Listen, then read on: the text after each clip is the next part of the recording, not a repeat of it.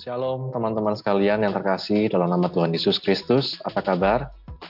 Puji nama Tuhan. Pada sore hari ini kita kembali bertemu dalam ibadah remaja online. Kali ini saya akan membagikan sebuah konten masih melanjutkan dari konten yang lalu yaitu tentang back to the Bible. Kembali kepada Alkitab. Kita akan berdoa terlebih dahulu Bapak kami bersyukur untuk kesempatan yang kau beri pada kami di sore hari ini untuk bersama-sama belajar dari firman-Mu. Bukalah hati kami, pikiran kami, berikan kami pengertian, sehingga kami dapat mengerti, memahami, mengalami, dan dapat menjadi pelaku firman-Mu. Tolong anak-anak mudamu, remajamu Tuhan, di mana pun berada, dan setiap kami yang mendengar di mana pun berada, Engkau yang bukalah setiap hati kami Tuhan, bukakan setiap hati kami, pikiran kami Tuhan Biarlah firman-Mu menjadi yang utama dan terutama dalam kehidupan kami, dan biarlah kami dapat Tuhan menjadi pelaku firman-Mu. Kami bersyukur hanya di dalam nama Tuhan Yesus kami berdoa, haleluya, amin. Puji Tuhan, teman-teman sekalian, kalau teman-teman ingat pada uh, konten yang lalu, saya uh, bawakan tentang bagaimana kita perlu back to the Bible, salah satunya adalah dengan belajar berbagai macam versi terjemahan Alkitab. Ya, saya bagikan ya teman-teman sekalian yang kemarin kita melihat dari uh, sabda.org. Sabda.org di sini adalah satu situs yang dapat membantu teman-teman sekalian dalam mempelajari Alkitab. Yang lain bisa juga biblehub.com ya. biblehub.com di sini tapi berbahasa Inggris ya. Tentang bagaimana teman-teman bisa belajar Alkitab. Nah, kita coba saja di sabda.org di sini. Misalnya 1 Korintus 15 ayat 33 tulis di kolom pencarian. 1 Korintus pasal 15 ayat 33 seperti yang pernah kita bahas kemarin ya. Kita pernah mendengar, membaca dan waktu konten lalu kalau teman-teman menyimak saya juga bahas tentang ayat ini. Ada beberapa terjemahan. Dikatakan yang pertama, janganlah kamu sesat, pergaulan yang buruk merusakkan kebiasaan yang baik itu terjemahan baru. Terjemahan uh, yang kita pakai saat ini ya. AYT terja, janganlah tertipu. Pergaulan yang buruk menghancurkan kebiasaan-kebiasaan yang baik. Terjemahan lama janganlah tersesat. Pergaulan yang jahat merusakkan kelakuan yang baik. BIS bahasa Indonesia sehari-hari janganlah tertipu.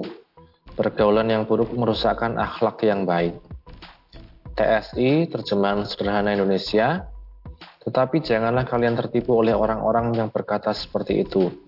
Karena ada peribahasa, kalau bergaul dengan orang-orang jahat, maka kamu akan menjadi sama seperti mereka. Kemudian TSI juga, tetapi janganlah kalian tertipu oleh orang-orang yang berpandangan seperti itu. Pepatah mengatakan, berteman dengan tukang minyak akan bau minyak. MILT Janganlah tersesat, pergaulan yang buruk merusakkan kebiasaan yang baik. Sheila Bear, janganlah sesat, rusaknya kebiasaan yang baik disebabkan oleh pergaulan yang buruk. AVB, jangan kamu biarkan dirimu disesatkan orang. Kebiasaan yang baik karena baik musnah karena pergaulan yang buruk. Nah, teman-teman, ada beberapa terjemahan dan kita waktu itu saya katakan tertarik dengan satu terjemahan di terjemahan sederhana Indonesia. Dikatakan pepatah mengatakan berteman dengan tukang minyak akan bau minyak ya. Berteman dengan tukang minyak akan bau minyak. Nah, ini tentu sangat uh, relate dengan kehidupan kita. Kita kalau ke pasar misalnya ke penjual ikan asin kita lama di situ kita keluar dari pasar bisa bau ikan asin kita lama dengan mungkin orang-orang yang ada di pembuangan sampah, kita lama di situ akan berbau sampah. Dan banyak contoh lainnya. Demikian juga pertemuan dengan tukang minyak akan bau minyak. Artinya ada satu pengaruh ketika kita lama berada di situ, kita menghabiskan waktu di situ, bercengkrama di situ, dan juga menjadi satu dengan orang-orang di situ. Ya, jadi bukan hanya sekali dua kali, tapi lama di situ akan terpengaruh. Hubungannya dengan pergaulan kita, teman-teman sekalian. Pergaulan kita, kalau kita tidak hati-hati, kita bisa terpengaruh dan menjadi baunya sama dengan mereka. Artinya apa? Kehidupan kita, kelakuan kita, yang dulu kita berkata baik, yang dulu punya kebiasaan baik, baca firman Tuhan, berdoa, tidak bolong, tidak telat, dan lain-lain. Lama-lama karena mungkin ada teman yang kita naksir, ada pergaulan teman-teman yang uh, cocok dengan kita, kita rasa akhirnya itu lebih baik daripada kita hanya baca Alkitab, berdoa, dan lain-lain. Nah, ini teman-teman, kita patut berhati-hati dalam bergaul. Tidak kemudian kita menjadi orang yang kuper, kurang pergaulan, tapi hati-hati, jangan sampai justru kita menjadi sama, dipengaruhi oleh orang-orang luar yang membawa kita lebih jauh ya, menjauh dari Tuhan. Tandanya apa? Kebiasaan-kebiasaan baik yang dulu kita lakukan, apakah masih kita lakukan? Kita kalau di gereja, apakah pengen cepat-cepat pulang? Kita kalau lagi berdoa, apakah pengen cepat-cepat selesai? Bolong-bolong. Kita kalau lagi baca firman, apakah suka menunda-nunda, dan lain-lain. Jangan sampai kebiasaan baik yang dulu pernah kita lakukan sekarang sudah berubah karena pergaulan. Ya. Nah, Selanjutnya, tahap selanjutnya kita melihat teman-teman sekalian ada kalau di bagian bawahnya lagi di sabda.org ini kita dapat melihat ada nomor-nomor kalau saya katakan nomor strong ya istilahnya yang merupakan eh, nomor-nomor eh, yang menunjukkan bahasa asli dari ayat-ayat tadi ya ayat-ayat tadi. Jadi ini 3361, 4105, dan lain-lain. Pergaulan yang buruk merusakkan kebiasaan yang baik. Kita melihat ya misalnya janganlah kamu sesat. Sesat ya 4105. Ini pelanau menyesatkan, pasif, sesat, keliru, salah jalan, mengembara ya bisa keliru salah jalan itu artinya ya sesat kemudian pergaulan nah ini kan yang penting ya pergaulan pergaulan dikatakan homilia pergaulan 3657 kalau kita klik lagi dalam selebihnya di sini homilia menunjukkan satu. Nah ini teman-teman sekalian uh, companionship intercourse communion. Klik di Google Translate. Misalnya tadi ya companionship intercourse communion klik saja di sini persahabatan hubungan ya termasuk seksual di sini kemudian ada persekutuan nah Teman-teman, kita melihat ada satu makna yang mendalam di dalam kata homilia. Ada persahabatan, ada hubungan.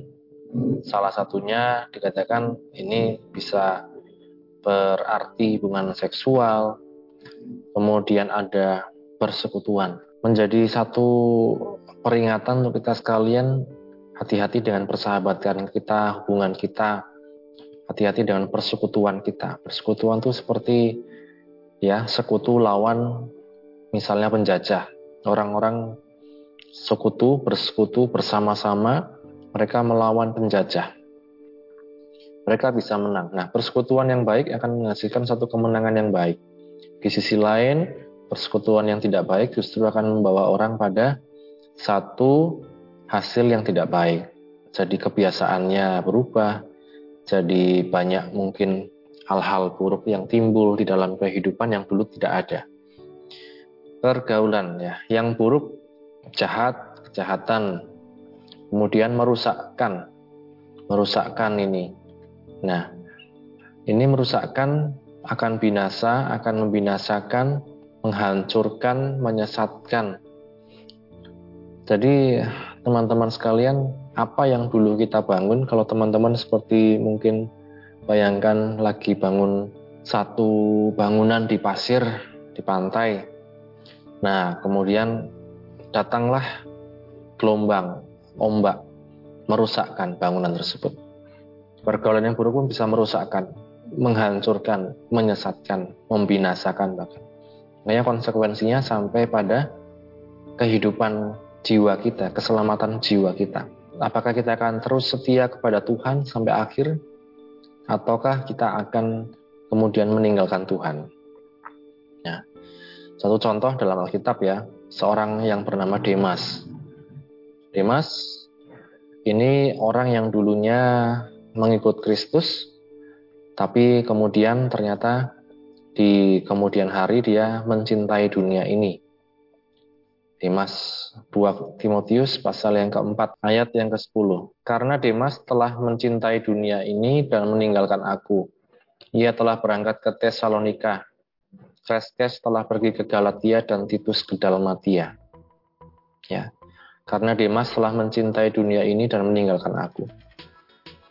Segala ketertarikan dari dunia ini memang begitu kuat teman-teman sekalian.